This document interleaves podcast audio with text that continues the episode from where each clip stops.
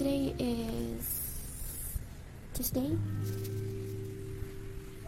uh, February 12th, 2019, and you know it's raining outside, and I just think I just think this uh, random thoughts, random thoughts about something, about something that crucial, but it's so abstract if you dig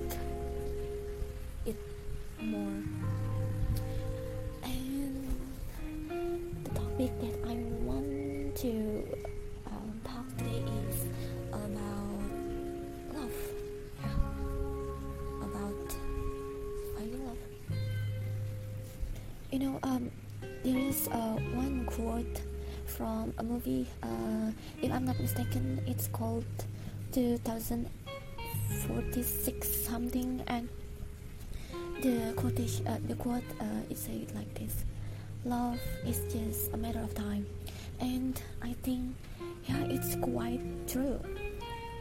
You know why? Because if if you meet if you meet the right person, but the time is not right, it can be just useless. It will be useless, and if you if you are in the right time with your partner, but that person is not right for you,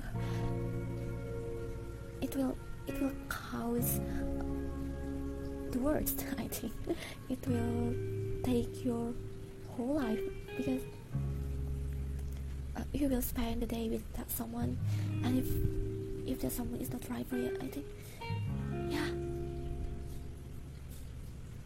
it's about the time. It's about the right time. Maybe yeah, maybe it's just me that feel someone is not right and the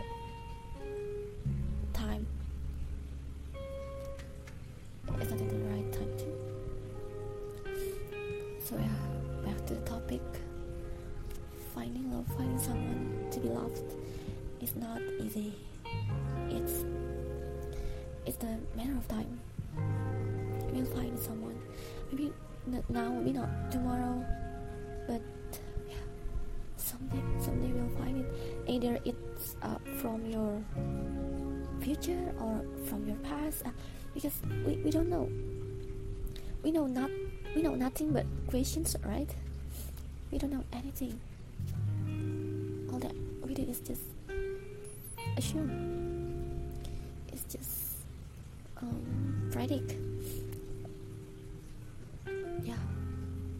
Once again, finding love is about time.